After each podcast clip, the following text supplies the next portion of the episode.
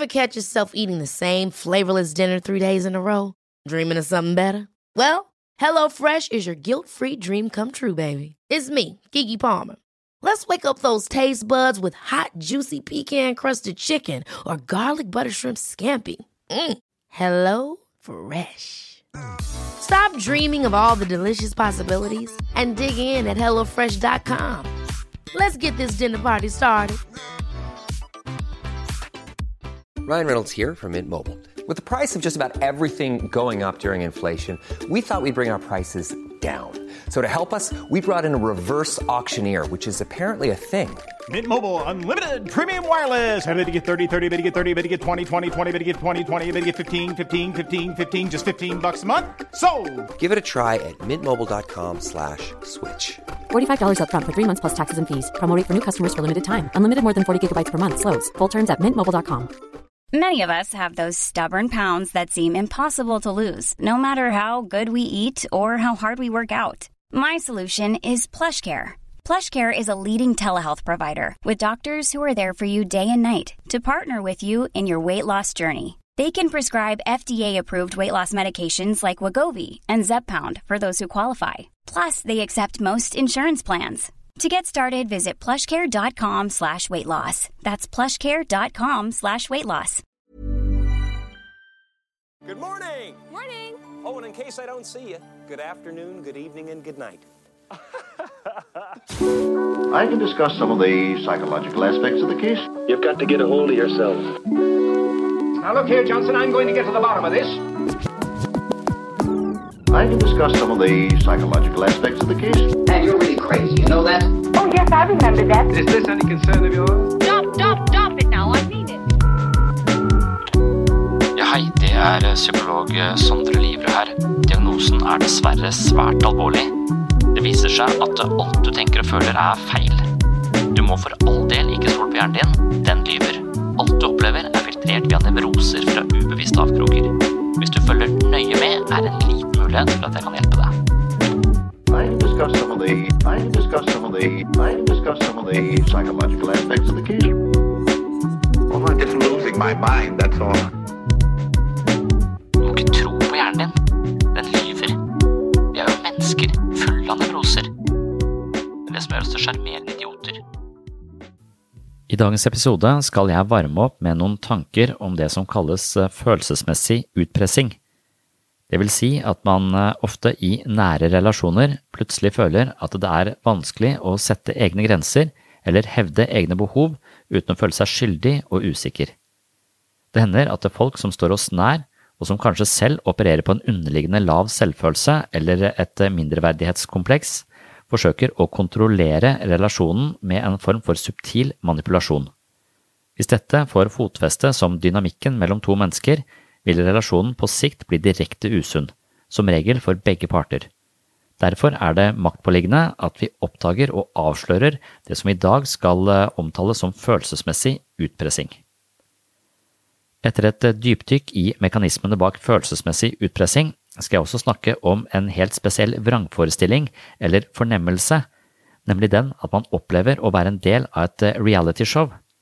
Dette er ofte en del av forestillingene hos mennesker som har havnet i psykose, men jeg vil påstå at et snev av denne følelsen er noe de fleste av oss kan fornemme fra tid til annen, og jeg vil se på mulige årsaker til denne typen opplevelser. For å sette scenen skal jeg beskrive denne vrangforestillingen som dukket opp i sin nåværende fasong i kjølvannet av en svært populær film, nemlig The Truman Show. 30 years ago, the Omnicam Corporation created the ultimate reality based television experience The Truman Show. Beginning with the child's birth, they set out to document an entire human life, every single moment broadcast live to the world. They created his hometown of Sea Haven. All of it completely enclosed within the dome of the Truman stage. Cue the sun. And even though The Truman Show has become an international phenomenon, Truman himself has never learned the true nature of the world around him. It's television! Yes! Despite some close calls. Every aspect of his life has been carefully scripted and meticulously crafted. But the one thing no one could predict was who Truman Burbank would grow up to be. Good morning. Morning. Oh, and in case I don't see you, good afternoon, good evening, and good night. I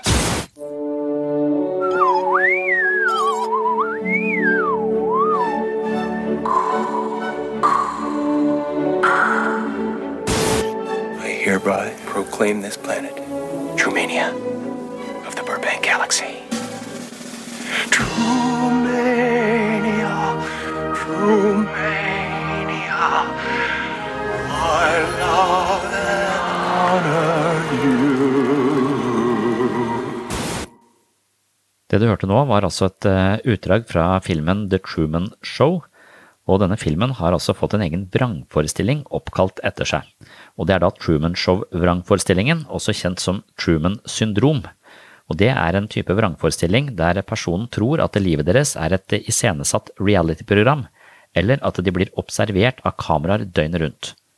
Begrepet ble innført i 2008 av brødrene Joel Gold og Ian Gold, henholdsvis psykiater og nevrofilosof, etter at denne filmen The Truman Show eh, kom på plakaten i 1998, og i kjølvannet av den så var det stadig flere som fikk denne opplevelsen eller denne fornemmelsen av at de selv var eh, sentrum for et realityshow, og at alle visste det, bortsett fra dem. Truman Show-vrangforestillingen er ikke offisielt eh, anerkjent eller oppført i eh, den amerikanske eller den eh, europeiske diagnosemanualen, men de fleste klinikere som har jobbet med mennesker med en viss grad av paranoid beredskap i et grensepsykotisk landskap, vet at mange av dem tenker at Truman Show ikke er en festlig komedie, men en realitet som også er manifestert i deres eget liv. The Truman Show er altså en komediedramafilm fra 1998, regissert av Peter Weir og skrevet av Andrew Nicole.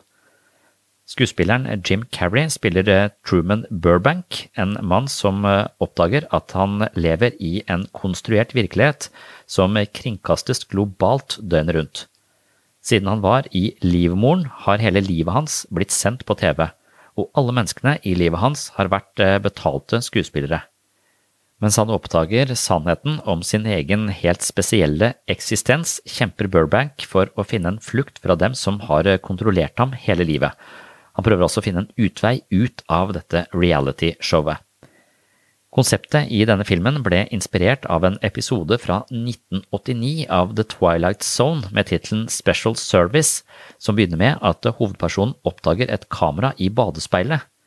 Denne mannen får snart vite at livet hans blir sendt 24-7 til TV-seere over hele verden.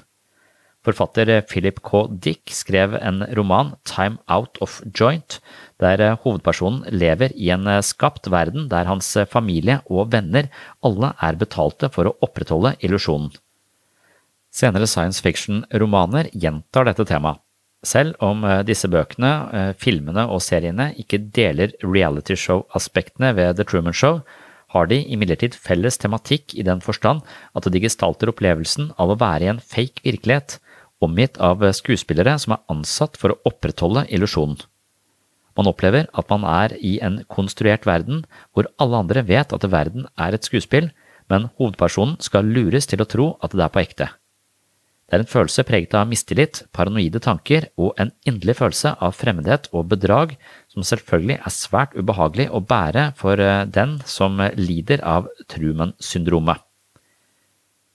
Vrangforestillinger er symptomer som, i fravær av organisk sykdom, indikerer psykiske utfordringer. Innholdet i vrangforestillinger varierer betydelig, begrenset selvfølgelig av vedkommendes fantasi, men visse temaer går igjen, for eksempel forfølgelse eller en kronisk følelse av å være observert som en slags fremmedgjort selvbevissthet.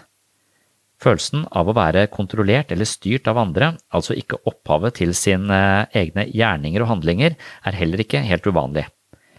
Innholdet i vrangforestillinger er alltid knytta til en persons livserfaringer, men samtidskultur ser også ut til å spille en viktig rolle. En retrospektiv studie utført i 2008 viste hvordan vrangforestillingsinnhold har utviklet seg over tid fra religiøst og magisk innhold til mer politisk, og nå er forestillingene ofte influert av teknikk, digitalisering og internett. Forfatterne av studien konkluderer med at sosiopolitiske endringer og vitenskapelig og teknisk utvikling har en markant innflytelse på vrangforestillingsinnholdet ved bl.a. schizofreni. Psykiateren Joseph eh, Weiner legger til at eh, på 1940-tallet ville psykotiske pasienter uttrykke vrangforestillinger om at hjernen deres ble kontrollert av radiobølger. Nå klager pasienter ofte over implanterte databrikker i hodet. Så her ser vi altså at eh, teknologien har utvikla seg, og det vil også påvirke innholdet i vrangforestillingene. The Truman Show Delusion kan representere en videre utvikling i innhold av forfølgende vrangforestillinger som reaksjon på en eh, popkultur i endring. Fordi reality-programmer er så synlige, er det et område som en pasient enkelt kan innlemme i et vrangforestillingssystem. En slik person ville tro at det hele tiden blir videofilmet, sett på og kommentert av et stort TV-publikum. Selv om forekomsten av lidelsen ikke er kjent, har det blitt rapportert flere hundre tilfeller. Det har blitt registrert tilfeller av mennesker som lider av Truman Show Delusion fra hele verden. Joel Gold, psykiater ved Bellevue Hospital Center i New York City, og klinisk førsteamanuensis i psykiatri ved New York University, og broren til Ayan, som har en eh, forskerstilling i filosofi og psykiatri ved Montreal McGills University, er de fremste forskerne på denne tematikken. Siden 2002 har de kommunisert med over 100 individer som lider av Truman Show-syndromet. De har rapportert at eh, pasienter reiste til New York City etter 11. september for å forsikre seg om at terrorangrepene ikke var en eh, plot-twist i deres egen personlige Truman Show-forestilling. Mens en annen pasient reiste til en eh, føderal bygning i Lower Manhattan for å søke asyl fra sitt eget show. Jeg har selv møtt et titalls pasienter som har en vag eller sterk mistanke om at de befinner seg i et Truman-show, og da opplever de selvfølgelig eh, meg som en skuespiller i rollen som psykolog. Det er et eh, vanskelig utgangspunkt for en tillitsfull og god relasjon, og den paranoide beredskapen legger seg som et teppe av mistillit over alle relasjoner personen har. Det er dermed en svært ensom og fryktsom posisjon å være i. En av Golds pasienter, en krigsveteran fra øvre middelklasse, mente at han måtte klatre til toppen av Frihetsgudinnen for å frigjøre seg selv fra showet, fra showet sitt. Han beskrev sin egen opplevelse på denne måten. Jeg innså at jeg var og er sentrum for oppmerksomheten fra millioner og millioner av mennesker. Min familie og alle jeg kjente var og er skuespillere i et manus, en opptreden som har til hensikt å gjøre meg til fokus for verdens oppmerksomhet. Valget av navnet Truman Show Delusion ble påvirket av det faktum at tre av de fem pasientene Joe Gold opprinnelig behandlet for syndromet, eksplisitt knyttet sine opplevelser til filmen The Truman Show. I Storbritannia beskrev psykiaterne Paolo Fussar Poli, Oliver Hose, Lucia Valmaggia og Philip Maguire fra Institute of Psychiatry i London i British Journal of Psychiatry det de omtalte som Truman-syndromet. Vrangforestillingen innebar tro på at verden hadde forandra seg på en eller annen måte som andre mennesker var klar over, noe man deretter tolker som indikasjoner på at man selv er gjenstand for en film og levde i et filmsett eller en type oppdiktet verden. Denne typen opplevelser er uttrykk for en grunnleggende og nærmest ontologisk usikkerhet på seg selv, og det kan være et forvarsel eller en såkalt prodromalfase av schizofreni. Forfatterne antyder at Truman-forklaringen er et resultat av pasientenes leting etter mening i deres eh, oppfatning av at den vanlige verden har endra seg på en vesentlig, men uforklarlig måte.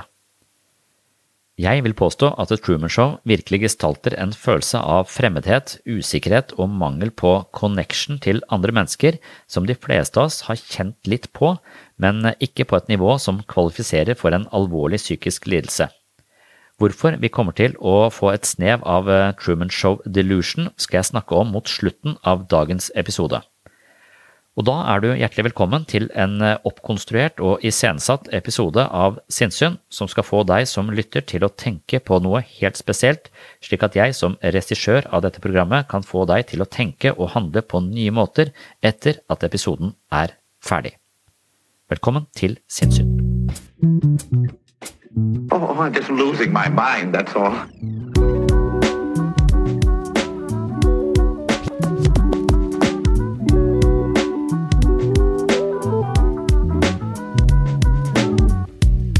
Så starter den tematikken følelsesmessig utpressing, som har fra denne boka til en Susan Forward som populariserte det begrepet der. sånn. Men følelsesmessig utpressing er et begrep som eh, så vidt jeg kunne se, dukket opp allerede på 40-tallet i noen artikler. Da handlet det ofte om eh, eh, hvordan mødre eh, behandlet eh, søsken i en søskenflokk. Det var en eh, grad av følelsesmessig utpressing i den settingen, det kan jeg godt forestille meg. At jeg selv prøver å presse barna mine på denne måten, det kan jeg også innrømme. Og dermed så er denne tematikken litt sånn interessant for meg å vende tilbake til. For det, det, er mer et slags flagg som jeg bare Å ja, sånn, ja, da husker jeg det. For jeg er nok ikke en person som blir så veldig mye utsatt for følelsesmessig utpressing, med mindre det er liksom satt i system, da. Og da blir jeg øh, så, så jeg går lett i sånne feller. så Følelsesmessig utpressing det er egentlig å manipulere folks følelser til å få det sånn som du vil. Og det er jo selve kjernevirksomheten i markedsføring, f.eks. Sånn at det, der går jeg nok på limpinnen. Og jeg kan lett føle meg forplikta til å kjøpe en bil hvis jeg bare har sittet inni den hos en bilselger som er hyggelig. Hvis bilselgeren er hyggelig og litt sånn pushy, og jeg allerede har satt meg inn i bilen, så tenker jeg da må jeg jo kjøpe den. Eh, hvis jeg har prøvd den, da må jeg i hvert fall kjøpe den.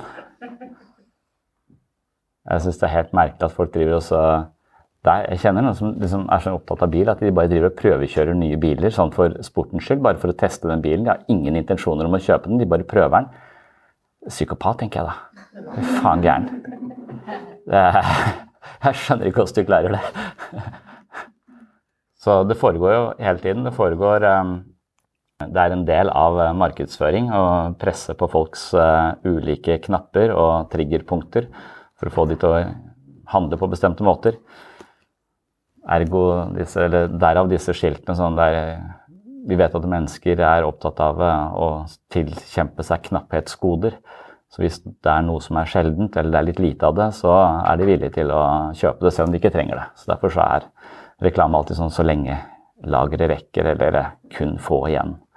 Det er en type overskrifter som er smarte for å få oss til å kjøpe ting vi ikke, vi ikke trenger. Så handler det om å kontrollere folk. Da. Når det foregår i parforhold, så er, det, så er dynamikken Hvis ikke du gjør dette for meg, så får det konsekvenser. Så, og det er litt sånn det er interessant å se det, for jeg, som sagt, jeg tror ikke jeg er så lett å jeg, tror, jeg, føler meg ikke veldig utsatt for følelsesmessig manipulasjon på noen måte, men jeg kan godt si at jeg kanskje kan tendere til å gjøre det selv. Og dermed så er det også, Dette her synes jeg er viktig for de som blir utsatt for det, og de som eventuelt driver med det. Sånn at man, eh, man får en slags oppvekk på at ja, faen, det der er jo for jeg, for jeg, tror at man av og til kan være sånn ubevisst god på det. Det er ikke det at jeg eh, driver og leser en bok om hvordan man skal manipulere folk, og så bruker de taktikkene.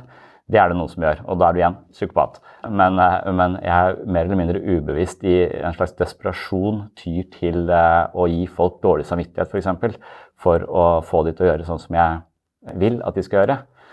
Og av og til sånn som de må gjøre eh, når det gjelder barn. Så der har jeg tror jeg brukt alle jeg har testa alle taktikker som finnes for å få folk til å gjøre det de, det de skal. Jeg prøvde med premiering, jeg prøvde å gi dem skyldfølelse, jeg prøvde å kjefte på dem, jeg prøvde å skryte av dem. Jeg har prøvd alt for å få dem til å gjøre sånn som de skal, og det skjer kun sporadisk. Så det er ingen pedagogiske virkemidler som har eh, foreløpig fungert eh, sånn særdeles godt.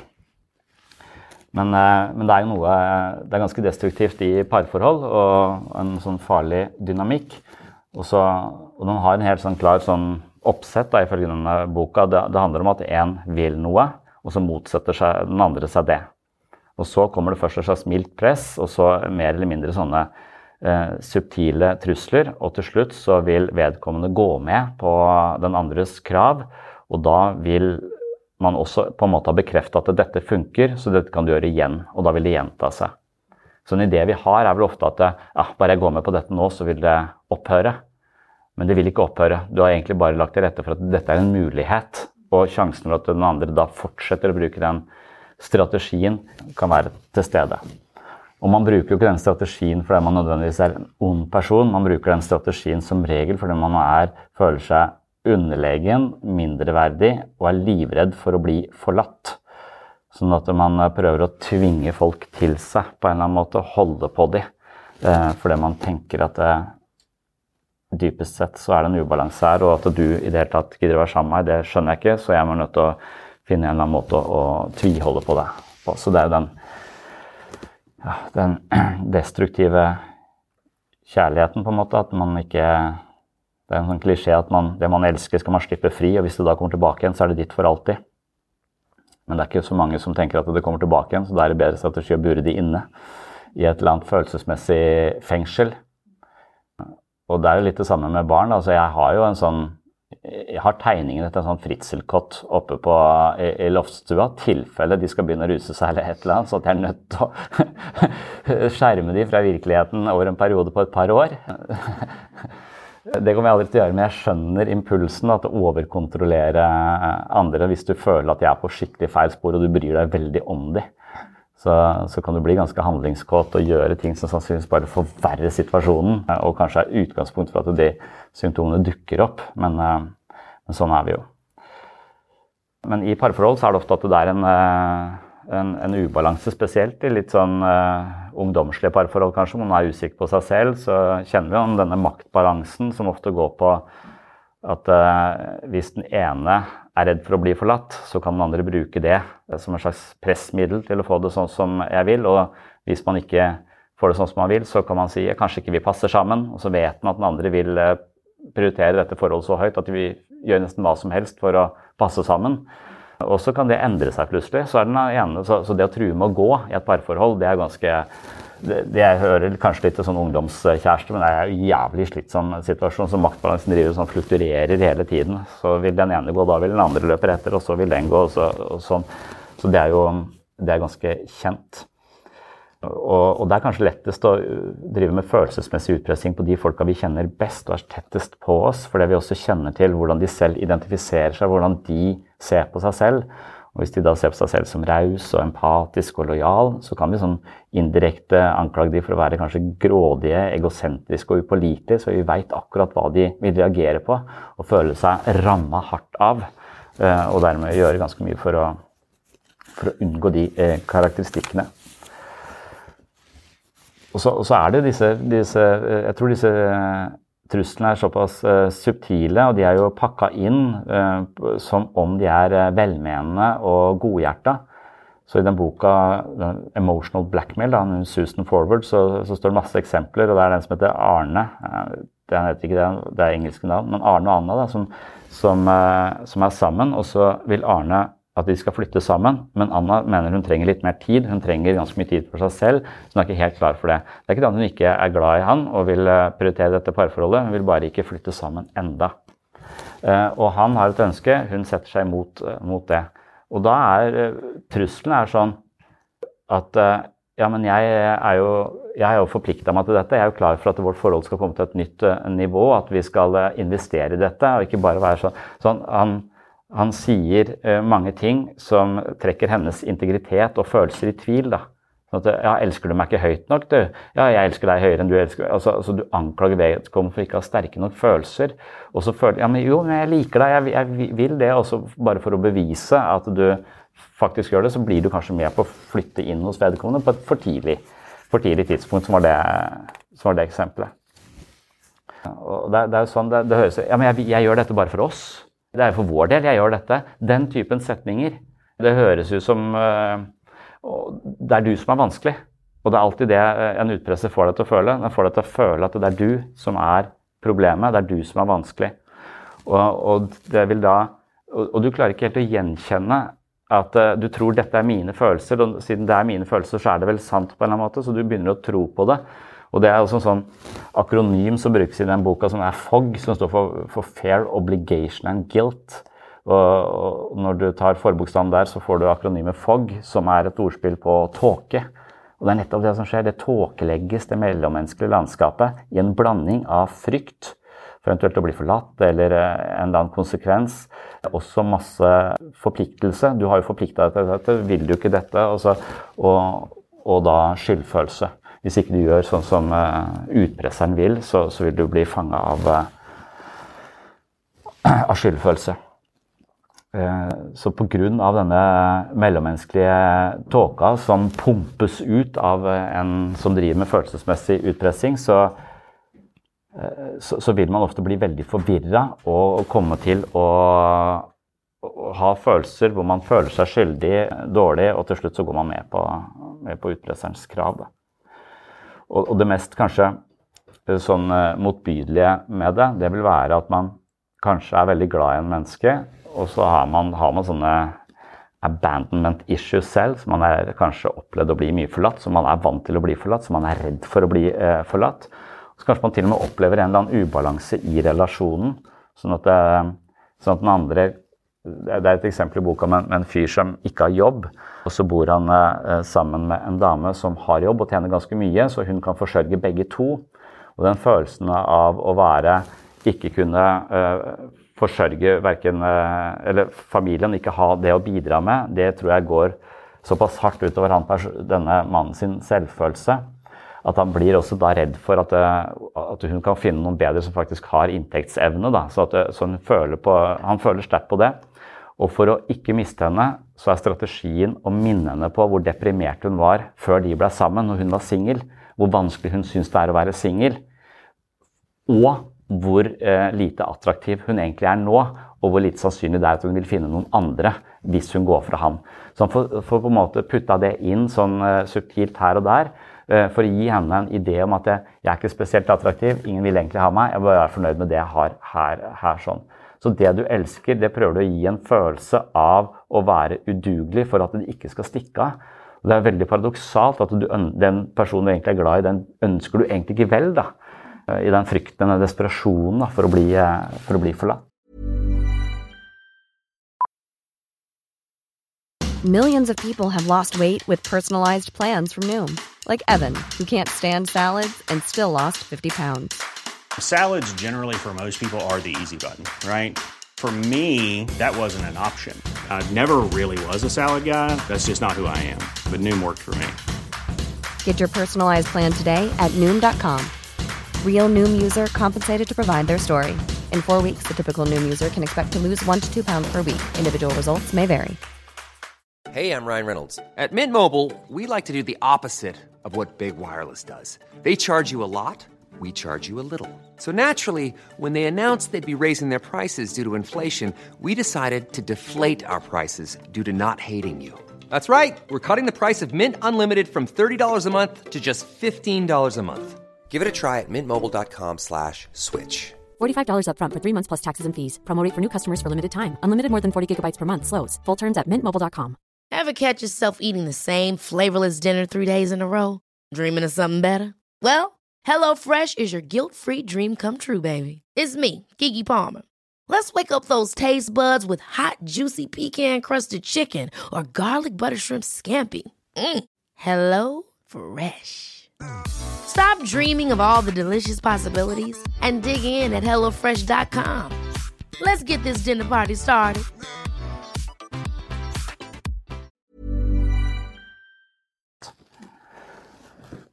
Jeg har hatt den ideen eh, selv en gang, for jeg, eh, hun er faktisk er gift nå. Jeg føler at hun, eh, hun, var mye penere enn meg, så det var en stor og da tenker jeg at da må jeg ha mye penger. Jeg hadde ingen penger, og jeg var ikke, ikke pen nok. Så jeg følte det var en ubalanse. Så da husker jeg i en sommerferie at, For da bodde vi i et annet land, og så var vi hvert vårt i sommeren, så håpet jeg at hun i løpet av sommerferien hadde blitt litt mindre attraktiv. For da, da, da ville min sjanse øke litt. og det er jo så man kan, se på, man kan tenke at nesten alt da, i et parforhold er en form for følelsesmessig utpressing. Det vil jeg si at det kanskje er, men jeg tror ikke det er følelsesmessig utpressing. for det, I de fleste parforhold foregår det veldig mye projeksjon. altså Jeg tar ikke ansvar for mine følelser, jeg kaster det over på henne, hun kaster det over på meg, vi kaster det over på barna, de kaster det tilbake på oss. Altså, det, er mange, det er masse sånn eh, ting hvor vi ikke helt tar ansvar eller, eller oppfører oss eh, spesielt modent. Da. Og det er en form for følelsesmessig kaos som rammer den enkelte. Det blir litt sånn svartepetterspill. da Noen blir, ender opp med svartepetter og føler seg skyldig. Og andre ganger så er det noen andre. Så det der spillet der, det har man jo gående i en, i en familie. Men det er kun følelsesmessig utpressing i det denne typen konflikter, altså en av partene ikke ønsker en løsning på konflikten, ikke ønsker å skjønne det, forstå det og bearbeide det, men egentlig bare ønsker å vinne og få overtaket. Så med en gang eh, agendaen er å vinne og få overtaket, og ikke finne en, en løsning, så, så, er man kanskje inne på det som de kaller for emotional blackmail. Da. Og det, ja. Og så er det det står også listet opp en del sånne forhold som gjør at noen personer er mer mottakelige for følelsesmessig utpressing enn andre. Det kan også være litt, litt interessant. Og det første punktet er de menneskene som har veldig stort behov for andres bekreftelse de, de er lett å, å, utnytte. Eh, og hvis du er lett å utnytte og tillater det, så er det også Selv om personen som utnytter ikke nødvendigvis er ond, så er det nesten litt, kanskje litt for lett. Jeg har selv tenkt at det der utnytter jeg stort behov for andres bekreftelse. Jeg liker håndverkere som har stort behov for andres bekreftelse. For da veit jeg at jeg kan skryte av dem, og så vil de gjøre en bedre jobb. Min skryt det vil øke deres innsats i mitt hus. Og dermed så, mens hvis jeg merker at jeg møter håndverkere som ikke har noe behov for den bekreftelsen, så, eh, så har jeg en sånn uh, liten paranoid beredskap knytta til håndverkere. Jeg vet ikke helt hva de driver med når jeg ikke er hjemme. Uh, og så har jeg sett norske byggeklosser, både med Rolf Wesenlund og Atle Antonsen, så, så, så jeg, jeg, lurer på om de Vi skal drenere. Vi har ny panel på sør- og østveggene tilbygge bygger vi halm. Skal vi bygge hus med halm?! Ja. Hæ?! Det går ikke, vet du. Men det bare Hello! Misha, carpenter, yes. And plumber and painter. Yeah. Yes. Is everything okay? Yes. No. Er det oppussingskongen? Kongen av oppussing. Der sitter han. Men vi møter jo på noen hindre her og der. Vi møter noen hindre her og der, ja. ja men vi, det går jo på et vis. Det går jo på et vis, ja. Fy faen.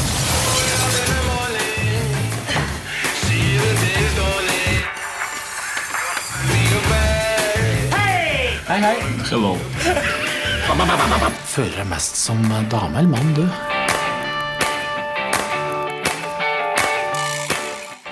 Men langt de fleste håndverkere har jo en integritet, de har en stolthet i sine yrker, så de gjør alltid en god jobb. Det er min erfaring. Men likevel så har jeg den der, men hvis jeg merker at de liker å bli skrytt av, så gjør jeg det i bøtter og spann. Samme med folk som jobber i barnehagen. Hvis jeg, hvis de, hvis jeg fornemmer at de, de eh, trives med eh, masse påskjønnelser og tilbakemeldinger, så er jeg raus. Fordi jeg tror at de, booster egoet deres, og da tror jeg at de vil leve opp til det. Eh, og så vil de gjøre en bedre jobb med mine barn. Så, så ganske sånn eh, jeg, jeg vet ikke om det er slemt. Altså, jeg tenker jo at det, det er jeg tenker sånn Generelt sett det er mye bedre å rose folk enn å kritisere dem. Jeg, jeg skjønner ikke folk som tør å kritisere lærere og, og, og folk som jobber i barnehage. For det, fordi at da Du vet ikke hva de gjør med barna dine når ikke du er der. og dessuten så vet jeg ikke om det man må si fra om forhold som er sånn eh, ikke bra, men da må du si det, hviske det i øret til en eller annen sånn kontakt, som så kan melde det inn, så du slipper det derre Du må ikke si det sjøl. Men, men, jeg tror generelt sett at, eh, at, eh, hvis vi skryter av folk og anerkjenner de og, og sier det vi er fornøyd med, så tror jeg de, de lever opp til det. Jeg tror folk blir litt det vi tror de er. Så hvis jeg driver og mistenker håndverkere, så kan det hende at de faktisk Ja, at hvis jeg føler meg mistenkt, da, så blir jeg jo vrang og litt vanskeligere å ha med å gjøre. Det er også sånn dynamikk som oppstår i parforhold. at det, Hvis den ene er veldig sjalu og begynner å spørre den andre ut om hvor de har vært hen i går, hvem de traff på butikken, så, så, vil den andre fornemme at dette her er ikke en åpen samtale. Er ikke, du er ikke bare interessert i meg og mitt liv, du er interessert i å finne ut av hvem jeg traff på butikken. Og der traff jeg jo egentlig en venninne som jeg ikke har sett på en stund. Det var derfor jeg var litt sein. Men det ville jeg ikke si, for det føles ut som jeg er i et forhør nå. Og det føles ut som det kan bli brukt imot meg. Selv om jeg ikke har gjort noe galt, så begynner man litt å lyve. Under en sånn type eh, press, da, og det tror jeg også er spikeren eh, i kista for et parforhold, hvis, hvis man begynner på det, på det spillet. Det er sånn. Men men lett å bli utnytta hvis du har stort behov for andres bekreftelse og er veldig opptatt av at andre skal synes du er, er eh, flink og, og god osv. Så, videre. så andre punkter på den lista over ting som eh, gjør deg tilgjengelig for følelsesmessig manipulasjon, det er lav selvfølelse. Det sier seg også litt selv. altså Hvis du har lave tanker om deg selv, ikke tenker at du fortjener så mye som andre osv., så, videre, så, eh, så er det en, noe som en, en potensiell utpresser kan eh, spille på og forsterke og dermed ha kontroll. Typisk tanke ja, det er bare meg, altså jeg fortjener ikke bedre. Eh, så, du, så, finner du deg i det. og Det er det som er så giftig med dette her. At du tror at hvis du bare finner deg i det, så gjør du en god ting for den andre. Da får den andre det som du vil. Du har vært snill, du har vært oppofrende. Egentlig så har du jo bare sørget for at et mønster kan eh, fortsette å regjere i den relasjonen. Og du har også tilrettelagt for at den andre kan bli mer og mer et rasshøl, mens du kan bli mer og mer utnytta. Så, så, det er det som er så rart med følelsesmessig utpreg. Hvis du setter grenser for det, hvis du stopper det, sier nei, det der finner jeg meg ikke i, så, så vil du føle deg som en ond person. Og den andre vil få deg til å føle deg som en ond person, eller en som ikke prioriterer dette høyt nok, eller en slabbedask. Et eller annet. Du kommer til å få en vond følelse. Men likevel så er det den vonde følelsen. Hvis du klarer å bære den, så kan det være at du kan sørge for at vedkommende slutter med den typen oppførsel. Selv om det er ganske vanskelig. For dette kommer fra et ganske stort underskudd hos den som driver med følelsesmessig utpressing. Men hvis den gang på gang merker at dette er ikke tilgjengelig i denne relasjonen, så vil kanskje den typen atferd dø ut, og så kanskje vedkommende sier at åh, jeg føler meg bare helt udugelig, så jeg skjønner ikke hvorfor du gidder å være sammen med meg, så jeg er usikker på det hele tiden. Det er en mye bedre setning enn å prøve å binde andre og fange andre og være oppriktig. ikke sant? Så, så ja, lav selvfølelse vil, vil være en risikofaktor. Og det å være konfliktsky er også en risikofaktor. For det er veldig mange som gjør ting bare for husfredens skyld. Så for å unngå en scene, så lar vi det bare, eh, bare være, og så spiller jeg bare med på de notene. Selv om det er, går på kompromiss med verdiene mine, eller med det jeg egentlig ville, eller whatever, så spiller du bare liksom med. Og det, det er det jeg syns er vanskelig. Konfl jeg er ikke konfliktsky, så jeg spiller ikke med. Men jeg spiller med off i offentlige rom med barn. Så jeg føler at jeg er litt sånn bundet på hender og føtter hvis vi er i en sånn selskap med barna. For da kan jeg ikke kjefte på dem. Eller det er ikke det at jeg ikke kan kjefte. Jeg kan ikke være så tydelig som jeg pleier, da. For at, da tenker folk at jeg, jeg er gæren. Nei, jeg er, så, jeg er, ikke så, sint på det. Jeg overdriver det litt. Men, men, jeg, men jeg, merker av og til at de utnytter litt det. Her kan ikke du gjøre det. Så jeg driter i å spise opp maten min. Jeg. jeg skal bare ha mer dessert. Fuck you, du kan ikke si noe. Det er ikke sånn de nesten, de nesten, merker, nesten merker det. Det er litt morsomt da. Så, men konfliktsky, da, da, vil du ikke at dette skal eskalere, så du bare går med på det på et, på et altfor tidlig tidspunkt. Gå på kompromiss med deg sjøl og potensielt sett miste deg selv til, til slutt. For du, og det er jo farefullt. Så lenge du ikke orker å ta den, den trøkken der, sånn, så, så, vil du alltid måtte, måtte, gi etter. Og det siste punktet, det fjerde punktet, er stort behov for å redde andre.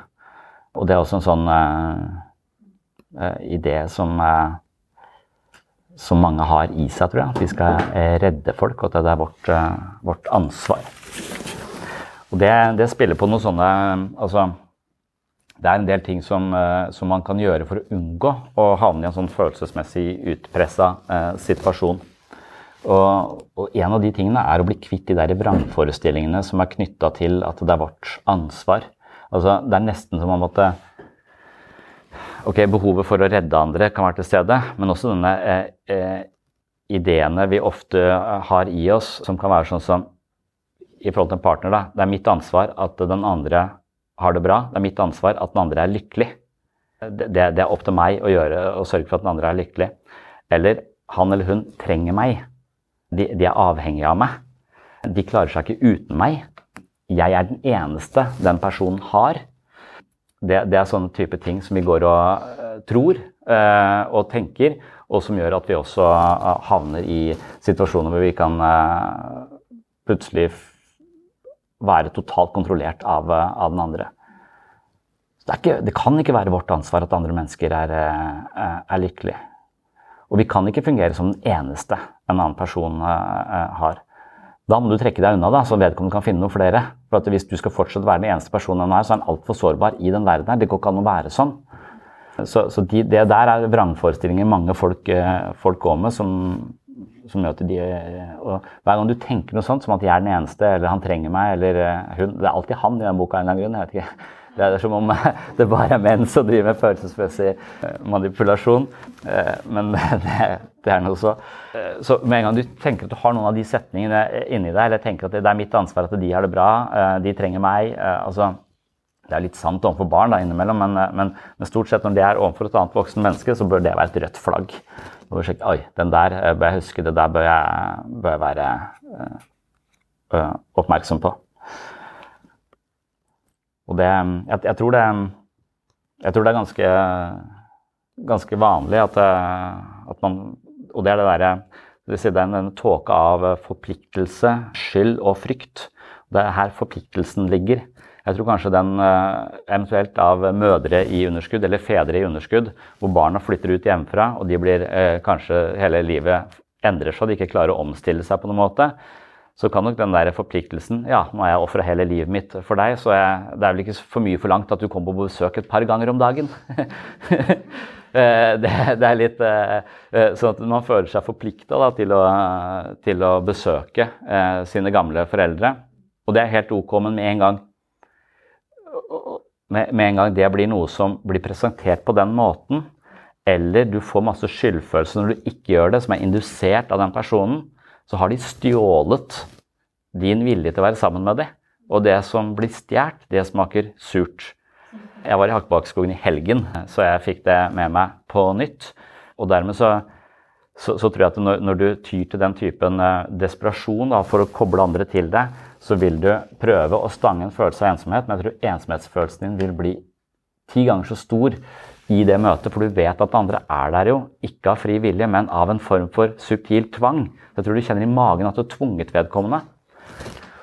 Og jeg lurer på, Her, her dukker denne, um, denne Truman-filmen opp. Skal huske uh, Truman Show? Altså han fyren som er, uh, er sånn regissert fra han var en baby. Han er den første babyen som ble adoptert av et, et stort uh, firma. Og de skulle bruke han eh, som hovedperson i The Truman Show. Så de bygger opp verdens største scene. En liten verden hvor han bor, og alle andre er skuespillere eh, rundt han. Og de sier det samme til han, og de smiler. og Det bygde på hele verden Se på dette. Han, er den eneste som vet at han ikke er i et, eh, i et realityshow. Så alle er liksom staged rundt han. Og det er ikke en uvanlig eh, følelse hos folk. Det er eh, I det litt grensepsykotiske så er det en følelse mange kan ha at folk egentlig er skuespillere og bare sier ting til meg. Og jeg tror det er en fornemmelse som av og til er også litt riktig.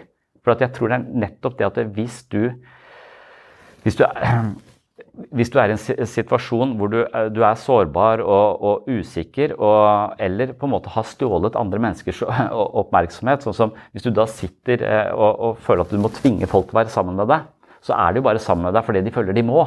Eh, og det er litt Truman over det de, de, bare smiler og jatter med og sier det de tror du vil at de skal høre. Og da er du egentlig i dette teaterstykket hvor de, hvor de bare spiller med på notene. Og jeg tror det er en, eh, en fare ved Eller det er en sånn ulempe. Det er, det er forferdelig å være usikker på seg selv og ha det problem på den måten, men, men en gang du begynner å stjele folks oppmerksomhet på den måten, så tror jeg at det, det skjer. Du havner plutselig i ditt eget Truman-show. Og det kan også skje et parforhold, tror jeg. For jeg, jeg tror at hvis du de fleste sier ja, du må bare si det du mener. Du må bare gi meg oppriktige tilbakemeldinger. Men jeg tror ikke folk alltid mener det. Og så tror jeg de demonstrerer når de får det de opplever som kritikk, at de ikke kan takle det. At de blir lei seg, begynner å grine. Ja, ja da er det ikke noe vits i lenger. Da. da. ja, du bryr deg jo ikke helt. Ok, du syns det om meg, ja. Ja, Da er det like greit å bare gjøre det slutt. Da. da kan jeg kanskje bare gå og henge meg, da, hvis det er så ikke sant? Du, du, du reagerer på den måten istedenfor å vise at det, dette er Å ja, ok, du tenker sånn, ja. Da, ja. Jeg er ikke helt enig, men kanskje jeg skal endre noe av det. Det kan jeg se på. Istedenfor å ta den tilbakemeldingen, så sier du De aller fleste sier jeg vil ha åpne tilbakemeldinger, men mange demonstrerer at de ikke tåler det.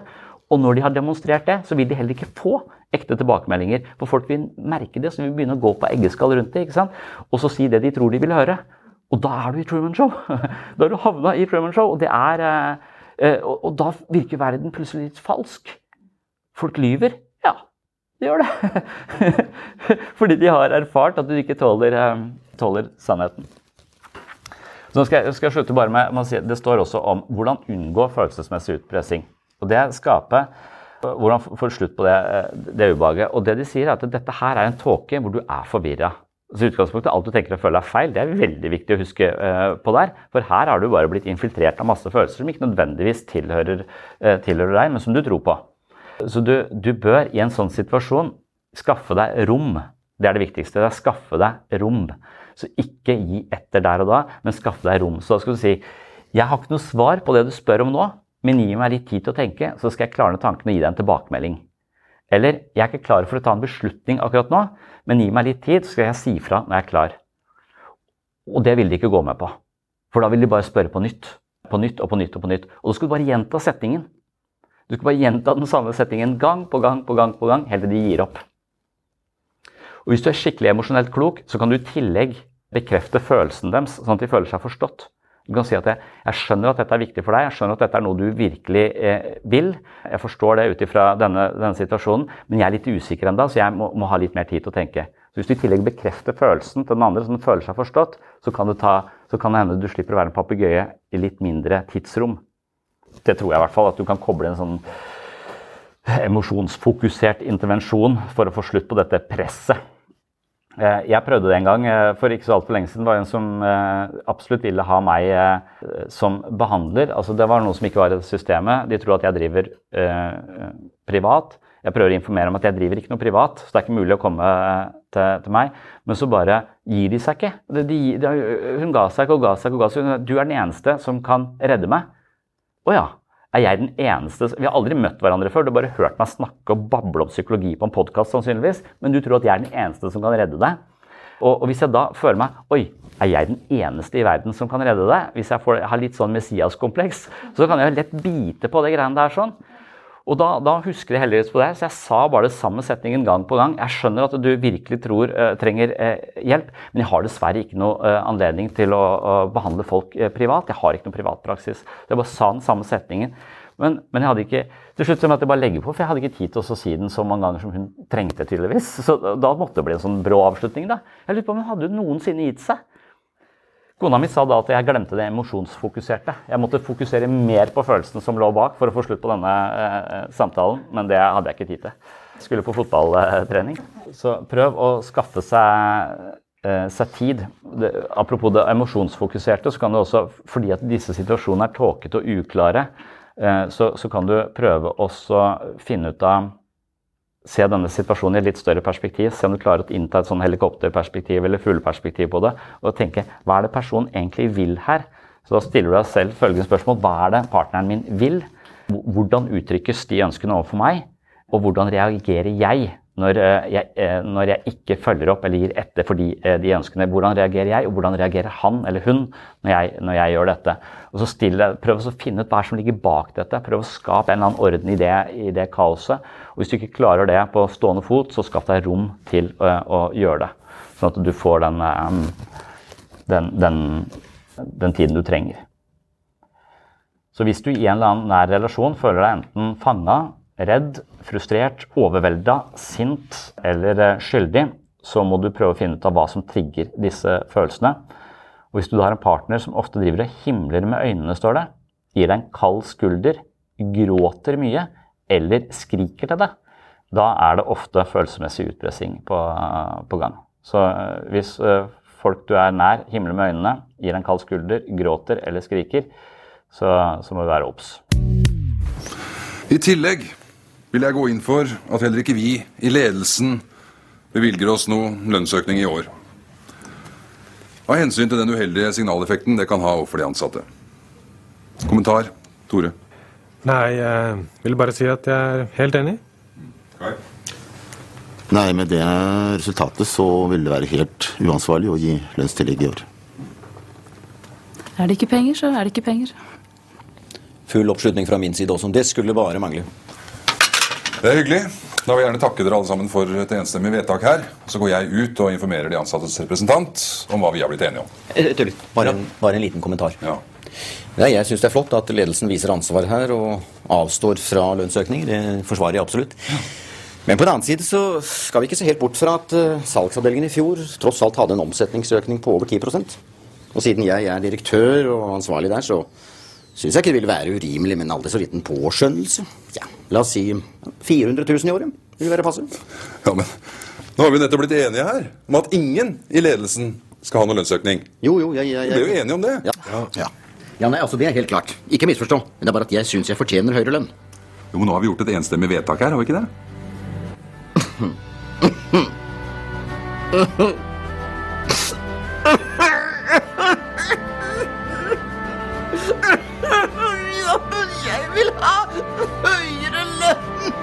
Ta det med ro. Nei, jeg vil. Ta det med ro. Vi har ikke råd. Ja, men det skal du få! det er bare meg! Hør på meg. Hør på meg. Det fins ikke penger i firmaet! Nei, gjør det. Jeg vil, jeg vil! Jeg skulle se på årsresultatet! Ro deg ned, da! Hysj, ikke skrik sånn, da! Ro deg ned!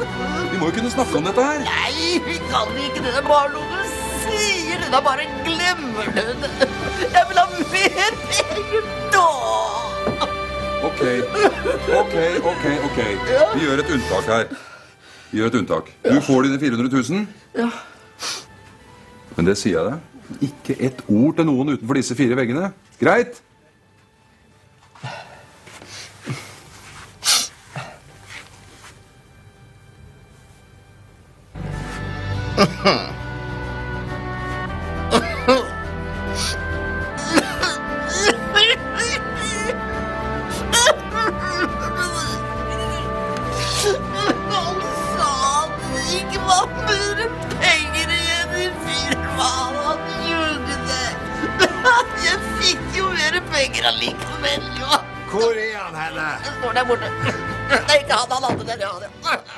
Og da merker jeg at kald skulder er god på.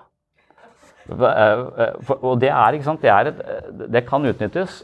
Hun jeg er sammen med, hun tåler mye mindre å ikke snakke sammen uh, over lang tid. Jeg er ekstremt introvert. Jeg kan holde ut i ukevis uh, uten å si noe.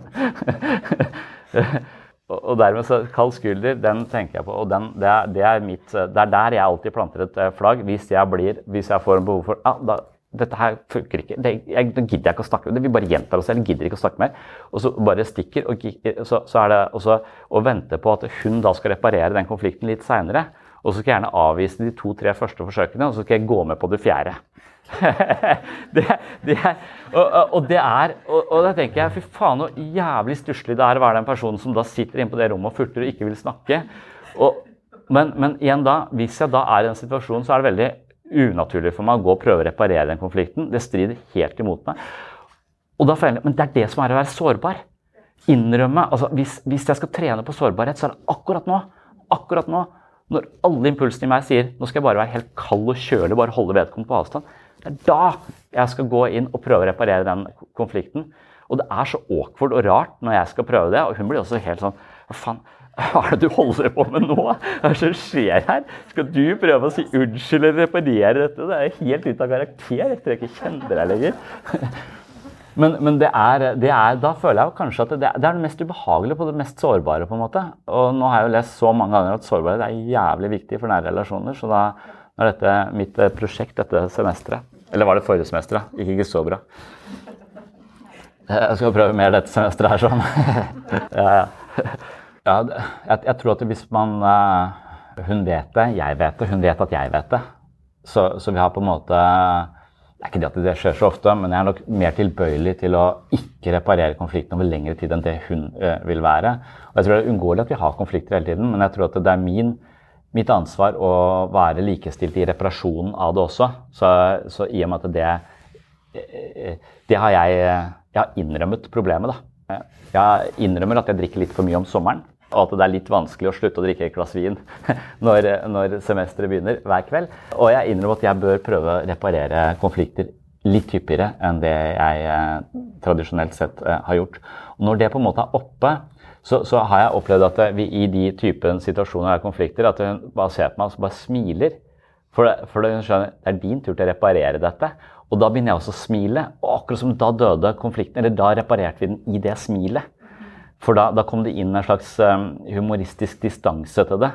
Hvor hun ser det er du som gjør det, og du er dårlig på det. Eh, og da, da er allerede det er en slags forløsende faktor. Men så lenge ikke det var tematisert at eh, jeg eh, er dårlig på det Jeg tror innsikten kanskje er første skritt på veien, liksom. Eller innrømmelsen. Ja, akkurat det vet jeg ikke, for jeg mener hun er litt heldig. da, For at jeg driver og pumper huet mitt fullt av sånne selvhjelpsbøker som jeg prøver å følge. Så jeg får det jo via de bøkene. Jeg tror det er vanskelig hvis hun hadde sagt det til meg. I hvert fall i en konflikt. Er, altså, men, men nå har jeg det fra tredjehånds eh, personer som har skrevet eh, langt og tungt om dette, og publisert artikler som eh, har både backet opp av eksperimenter og diverse evidens. Så jeg skjønner at dette her er eh, riktig gå, så det er jo litt heldig. Og det at jeg liksom, Så kanskje biblioterapi har hjulpet meg da, til, å, til å se eller Hver gang jeg må, må forholde meg til disse Lese meg opp på disse, disse tingene. Men det er også en sånn ting, det er veldig sjelden jeg leser, leser bøker jeg får. Altså, Det er nesten utelukkende at jeg kun velger litteratur jeg selv har bestemt. på en måte. Jeg har sikkert blitt påvirka av noen, men, men, det er liksom at det, ligger litt langt inne for meg å lese bøker. Eh, kanskje hvis jeg får det anbefalt av noen jeg virkelig har, har troa på, men det er litt vanskelig for meg. Å, så Jeg tror, jeg har jo fått skal vi si, 70 bøker om parforhold av min kone som jeg ikke har lest. Så, så det, har ikke, det, har ikke, hjulpet å gi meg, gi meg masse, masse, bøker. Jeg har også fått 150 bøker om barneoppdragelse som jeg heller ikke har lest. Så, så akkurat det er ikke, det er ikke veien, å, veien å gå. Men, men nei, jeg vet da søren åssen du skal få folk til å bli, eh, ta mer ansvar, egentlig. Men, men, det er vel sånn parterapi ville fungere. da. Det er ikke fordi at eh, den parterapeuten har skjønt alt, men det er bare fordi at det, det tredje øyet blir liksom litt mer objektivt enn det vi sitter i oss to. Så hvis det kommer noe derfra, så er det kanskje litt lettere å forholde seg til enn det jeg foreslår. Jeg har masse bøker jeg mener hun bør lese også, så hun ikke gidder å lese. så ja, jeg har lest Gottmann-bøkene sammen med henne. Det var slitsomt. Men smart. Seven Principles of Making Marriage Work. Den har jeg lest sammen. Det blir jævlig tungt. Nå skal vi lage kjærlighetskart. Seriøst, skal vi det? Vi skal ikke bare hoppe over den øvelsen. Det syns jeg virker så jævlig klein oh. Føler vi gjør det litt hele tiden. At uh, Ja. Jeg tror de fleste, så, så, lenge det ikke er helt kaldt, så tenker jeg vi klarer å At, man, at et godt parforhold må, prøve, må ha sånne reparasjonsteknikker. Det, det er godt man sier at det er ikke kjennetegn på et godt parforhold. Det er ikke liksom ingen krangling. Det er uh, forholdsvis mye krangling, men også gode evner til å reparere det og ta det ned. Og ikke gi en kald skulder. Så, så, hvis du er gode, gode verktøy i kassa til å liksom reparere konflikten Han dementerer litt den myten om at vi skal prate så dypt og inderlig om ting også. Men at det, veldig, de, de, der ekspertene måtte si at vi, vi, må på et eller annet tidspunkt anerkjenne at vi er forskjellige på noen punkter, og akseptere det og velge å akseptere det. Og ikke gå rundt og prøve å endre det, for da kan vi bruke hele livet på det. Og det er, det er slitsomt. Så, så, så det er litt, litt viktig å ha i bakhodet. Og reparasjonsteknikkene er ikke ofte sånn 'nå skal vi sette oss ned og ha en alvorlig samtale'. Det er kanskje det er fliret. Det er 'fuck you, det er du til å reparere dette'. Altså, det, det, er en reparasjon. Det er en veldig enkel, eh, enkel greie, men da det tok liksom lufta ut av ballongen. Da. Ja, derav eh, alt du tenker og føler er feil. Eh, nesten den setningen liksom er i hvert fall aktuell i denne tematikken. For den, den verste den absolutt verste strategien som folk uh, bruker her, er jo å få den andre til å føle seg udugelig. Sånn at de, for, for det, hvis, du, hvis, du, får andre til å føle seg skikkelig udugelig, klarer å installere en idé i huet uh, på det, at de er mindre verdt enn en alle andre, så har du fullstendig kontroll. Så det er jo en hovedstrategien til en eh, som driver med følelsesmessig utpressing, er jo å rakke ned på, på folk. Og det syns jeg er, det er rart. Altså det, det, er så, for, en, for en konflikt å være, for et paradoks, at den du egentlig har valgt og er glad i og skal prioritere, den er den du driver og rakker ned på. Og, og det stresser meg når folk gjør det. Altså, for noen gjør det åpenlyst. Altså, vi har vennepar som driver og prøver å sette hverandre fast mens de er på besøk hos oss. Altså på sånne faktating som er sånn derre Nei, det var ikke på tirsdag, det var på onsdag. Det, driter, det har ikke noe med historien å gjøre. Tirsdag eller onsdag. Du trenger ikke å si om det er tirsdag eller onsdag. Det er som de setter hverandre i en sånn muntlig eksamenssituasjon hele tiden. Hva, hva, er det de har gående, liksom? De prøver å se sånn, for, en, for en maktkamp. Og, og, og, så tror jeg eh, på et eller annet tidspunkt den ene parten har gitt opp og bare internalisert at 'jeg er feil', 'jeg er dårlig', 'du har rett'. Og så har, har det der bare blitt en, noe som utenfra ser ut som et ser, ser ut som Donald Trump og dama, liksom. Jeg er usikker på hvor mange av vennene til Donald Trump som er sammen med han for den er så eh, jovial og hyggelig type. Eh, eller om du bare er sammen med han fordi at du er livredd for å ikke eh, ikke hold deg inn med han. Altså, det er jo rart at, eh, at alle republikanere har blitt helt sinnssyke i løpet av fire år. Det kan jo ikke, det kan jo ikke skje. Det må jo være en type Den tåka som blir pusha ut fra dette enormt egosentriske mennesket, som da lever i en Truman-show. Han lever i et Truman-show, og jeg lurer på om han trives i det. Om han også fornemmer at jeg har egentlig ingen nære kontakter. Jeg, jeg, alle er sammen med meg bare fordi de ikke tør annet. Og da er vel liksom den eneste vaksinen vi kan ha, da, at alt eh, Eller den, ha den derre som om-forholdet til våre egne tanker, til våre egne følelser, til våre egne automatiske reaksjoner. For sjansen for at de er manipulert av et eller annet eh, menneske som har vært i et underskudd og trengte å, å, å, ha kontroll på oss, det er jo ikke så usannsynlig. Og, og, foreldre driver jo med dette i litt stor grad. altså Vi prøver å kontrollere barna, eh, barna våre. Og, og, og jo mer jo, jo, verre det blir, jo, mer, jo, verre blir symptomene, og jo mer press prøver vi å legge på. Så jeg skjønner den impulsen hvis folk slutter å spise, f.eks., eller, eh, eller begynner å ruse seg eller skade seg, og du er forelder, så tror jeg du blir veldig sånn handlingskåt. da. Mens det du egentlig trenger, er kanskje å øh, prøve å finne en Prøve å connecte med den personen på nytt. For det er noe connection her som er eh, Det er noe galt med connection her. Og det å prøve å connecte, det gjør du ikke ved å bure det inn i det fritzelkottet jeg har uh, installert. Det er det motsatte av connecte, men du tror at du likevel med mer kontroll vil uh, dempe problemet, mens egentlig så er det den typen relasjon som har ført til problemet i utgangspunktet. Det vi snakket om sist, jeg husker ikke om det var herlig, men, men store problemet med det er at la oss si fra en sånn situasjon hvor du kanskje er sammen med noen som er livredd for å bli forlatt, og prøver å kontrollere deg ved å gi deg lav selvfølelse, sånn at du ikke tror du har noe annet sted å gå, så fanger du den personen. Du blir ikke forlatt, men du får også en, en et merkverdig relasjon, en veldig anspent og usunn relasjon til den personen som du egentlig har som et gissel. Da. Det er nærmest en, gissel, en gisselsituasjon. Så, så, det er jo en eh, og, og problemet blir at idet du installerer ideer i hodet på dette gisselet ditt om at de ikke er gode nok, så er ikke det en idé de vil ta med seg og snakke med andre om.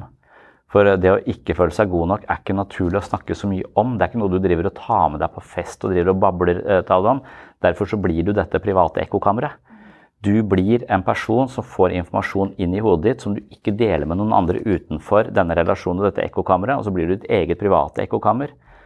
Sånn at eh, du kan sette deg fast i et ekkokammer på nett, få bare ideer som har én valør, uten noe innspill, og det er kun der du sitter. Men da kan du også gå ut og møte noen og si du har tenkt sånn og sånn om det. Altså, ja, ja, jeg stemmer rødt, jeg, så jeg tenker helt annerledes om det. Og så får du et helt annet perspektiv på, på det du tenkte. Og tenker, ja, faen, kanskje det er eh, for, for det det, La oss si det er politikk eller hva det er, så er det litt lettere for folk å snakke om politiske synspunkter, kanskje. Og, så, og, og, da kan det være at du får korrigert noen av ideene dine, eller i hvert fall får de nyansert. på en måte. Men det tror jeg faen ikke vi gjør når vi føler oss udugelige eller deprimerte. eller. Jeg tror bare vi har det inne og så prøver å presentere noe annet utad. Og da får vi aldri korrigert det. Derfor så blir vi et vandrende ekkokammer som ikke liksom eh, får noe korreks for det vi, vi går og tror inni, inni hodet vårt. Det er derfor det hjelper å prate om det. Men vil vi konkludere med at den typen relasjon er umulig å, å løse, nærmest. da, for det, du, liksom, Jeg er vitne til dette stadig vekk. Jeg er vitne til det nå Rett før ferien så så jeg det da på nett. Vi var på nett i noen grupper, og jeg ser et menneske som, som er i en uh, situasjon og blir ekstremt dårlig behandla, på, på grensa til å bli mishandla i, i, en relasjon. Uh, og idet vi påpeker dette, fordi vi bryr oss om vedkommende, vi er glad i vedkommende, vi syns ikke vedkommende fortjener dette. Uh, og, og, mens alle våre forsøk på å si dette må få en slutt, du kan ikke leve sånn, du er nødt til å, å, å flytte, alle de kommentarene det sørget bare for at hun begynte å forsvare denne, eh, dette rasshølet. Eh, så, så, det virket som om alt, all vår desperasjon til å prøve å redde dette mennesket bare forsterket dynamikken mellom det mennesket og denne fyren i dette tilfellet, da, som var eh, totalt urimelig og til dels voldelig. Så, så hva, eh, hva, hvis du hadde stått utenfor og sett den typen gissel eh, Det er jo et Stockholm-syndrom, dette her. da, du, du, har begynt å identifisere deg med overgriper, eh, på en måte. Og, og hva, hva, gjør man utenfra? Hvordan, hvordan, driver man og håndterer en sånn type gisselsituasjon hvis hvis man bryr seg om den personen som er fanga? Men det dere etterlyser, er jo intensjonen uh, vår. Altså, vi, vi, vil jo, når, vi, når, jeg ser denne personen, så, så, tenker jeg du har masse ressurser, du er en uh, flott person. Du er bare en skygge av deg selv, sånn som uh, du lever nå. Vi har sett en helt annen side av deg. Så jeg er opptatt av å bygge vedkommende opp. Men jeg tror nok kanskje at ideen til folk som står utenfor, at de, de kanskje fornemmer det som en del sånn mm, psykologiske eksperimenter også viser, at det for én altså du må i hvert fall ha en 1-5-ratio eh, mellom negative og positive tilbakemeldinger. Så én negativ tilbakemelding i et sånt operativsystem som allerede tenker at de er negative, må veies opp med noen sier 100 positive kommentarer. Og hvis du da treffer vedkommende, er en venninne, venn eh, eller noe sånt, og treffer vedkommende en time eller to i uka, og den andre tyrannen er der hele forbanna tida, så, så, tenker jeg at du blir litt mer sånn desperate measurements her. Hva, hva, faen? Eh, jeg kan godt prøve å bygge det opp, men egentlig, er det egentlig som å pisse i havet i forhold til hva som foregår 24-7 eh, eh, ellers? Det er litt, litt, sånn som jeg føler at det, du, du, drar til Afghanistan og sier at det, Stå i dette.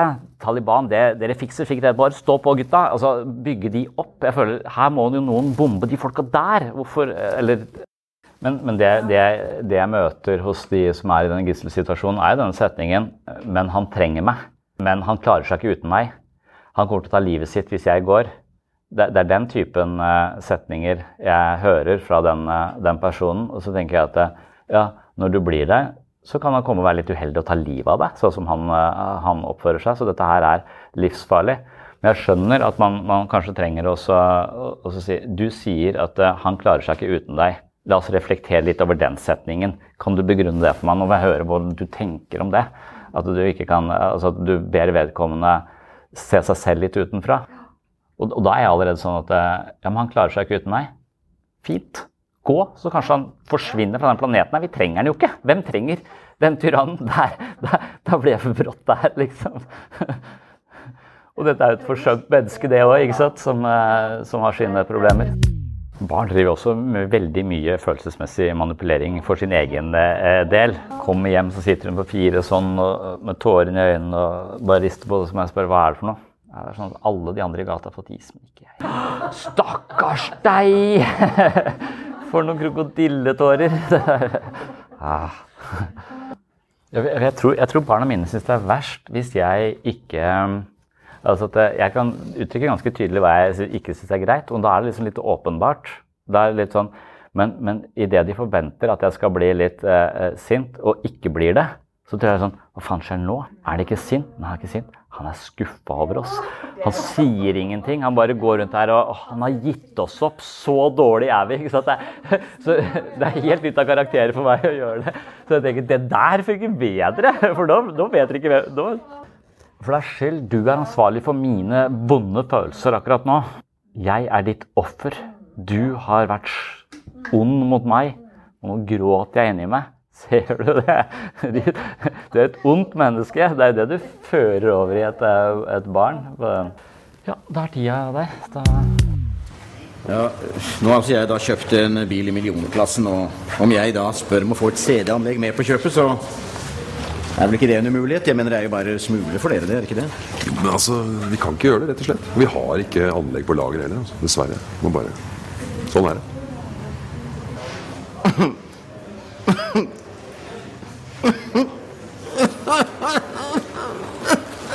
Hei. Ja, men jeg vil ha CD-anlegg. Jeg vil ha det. Altså, Vi kan ikke drive og dele ut gratis CD-anlegg til alle. Ja, men det er ikke alle. Det er bare meg som skal få det, og jeg vil ha CD-anlegg. Hva tror du skjer hvis det kommer ut at vi driver og deler ut CD-anlegg her? Jeg skal ikke si det til noen. Jeg skal si det til alle sammen hvis jeg ikke får CD-anlegg. Og du må ikke tro at jeg ikke tør det. Ok. Dommen, dummen. Du, ok, ok. Vi skal gjøre et unntak her.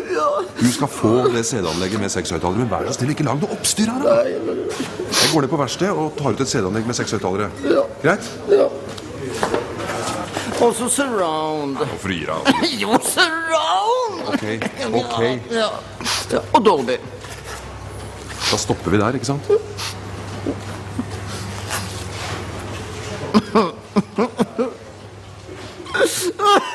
Du sa du ikke hadde CD-anlegg.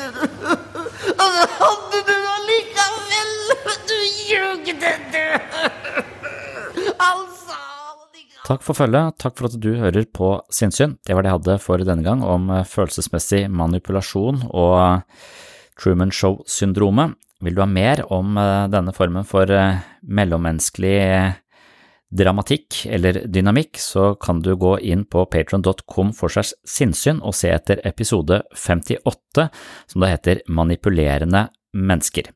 Så episode 58, Manipulerende mennesker, der dykker jeg videre ned i denne materien, som eh, da stort sett handler om hvordan vi mennesker i eh, stort underskudd kan komme til å manipulere andre for å unngå å bli forlatt eller føle oss ensomme.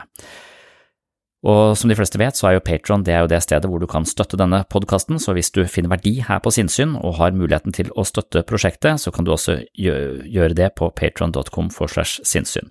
Som medlem på mitt eh, mentale helsestudio, som jeg kaller det der inne, så får du da tilgang på masse ekstramateriale fra denne podkasten. Det er masse ekstra episoder av Sinnsyn, det er også en del videomateriale, og jeg leser bøkene mine kapittel for kapittel. Så ja, det er også for eh, spesielt interesserte, de som er litt over middels interessert i psykologi, og samtidig for de som da finner verdi her på sinnssyn, og det er jo på grunn av Patron-supportere at jeg kan eh, drive denne podkasten hver eneste uke, så tusen hjertelig takk til dere som allerede støtter podkasten. Det er lyttere som dere som sørger for at lyset er på her inne, og at jeg har anledning til å prioritere dette prosjektet her hver eneste uke, og jeg elsker å drive med det, så det synes jeg er helt fantastisk, så tusen hjertelig takk til dere.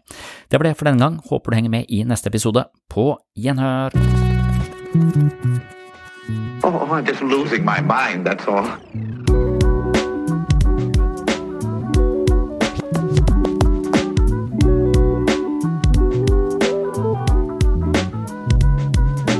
I can discuss some of the I can discuss some of the I can discuss some of the psychological aspects of the case. Psycho, psycho, psychological aspects of the case.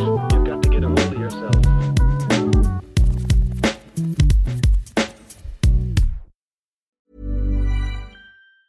Planning for your next trip? Elevate your travel style with Quince. Quince has all the jet setting essentials you'll want for your next getaway, like European linen, premium luggage options, buttery soft Italian leather bags, and so much more. And is all priced at 50 to 80% less than similar brands. Plus, Quince only works with factories that use safe and ethical manufacturing practices. Pack your bags with high-quality essentials you'll be wearing for vacations to come with Quince. Go to quince.com slash pack for free shipping and 365-day returns. Even when we're on a budget, we still deserve nice things. Quince is a place to scoop up stunning high-end goods for 50 to 80% less than similar brands. They have buttery soft cashmere sweaters starting at $50, luxurious Italian leather bags, and so much more. Plus, Quince only works with factories that use safe, ethical, and responsible manufacturing. Get the high-end goods you'll love without the high price tag with Quince. Go to quince.com slash style for free shipping and 365-day returns.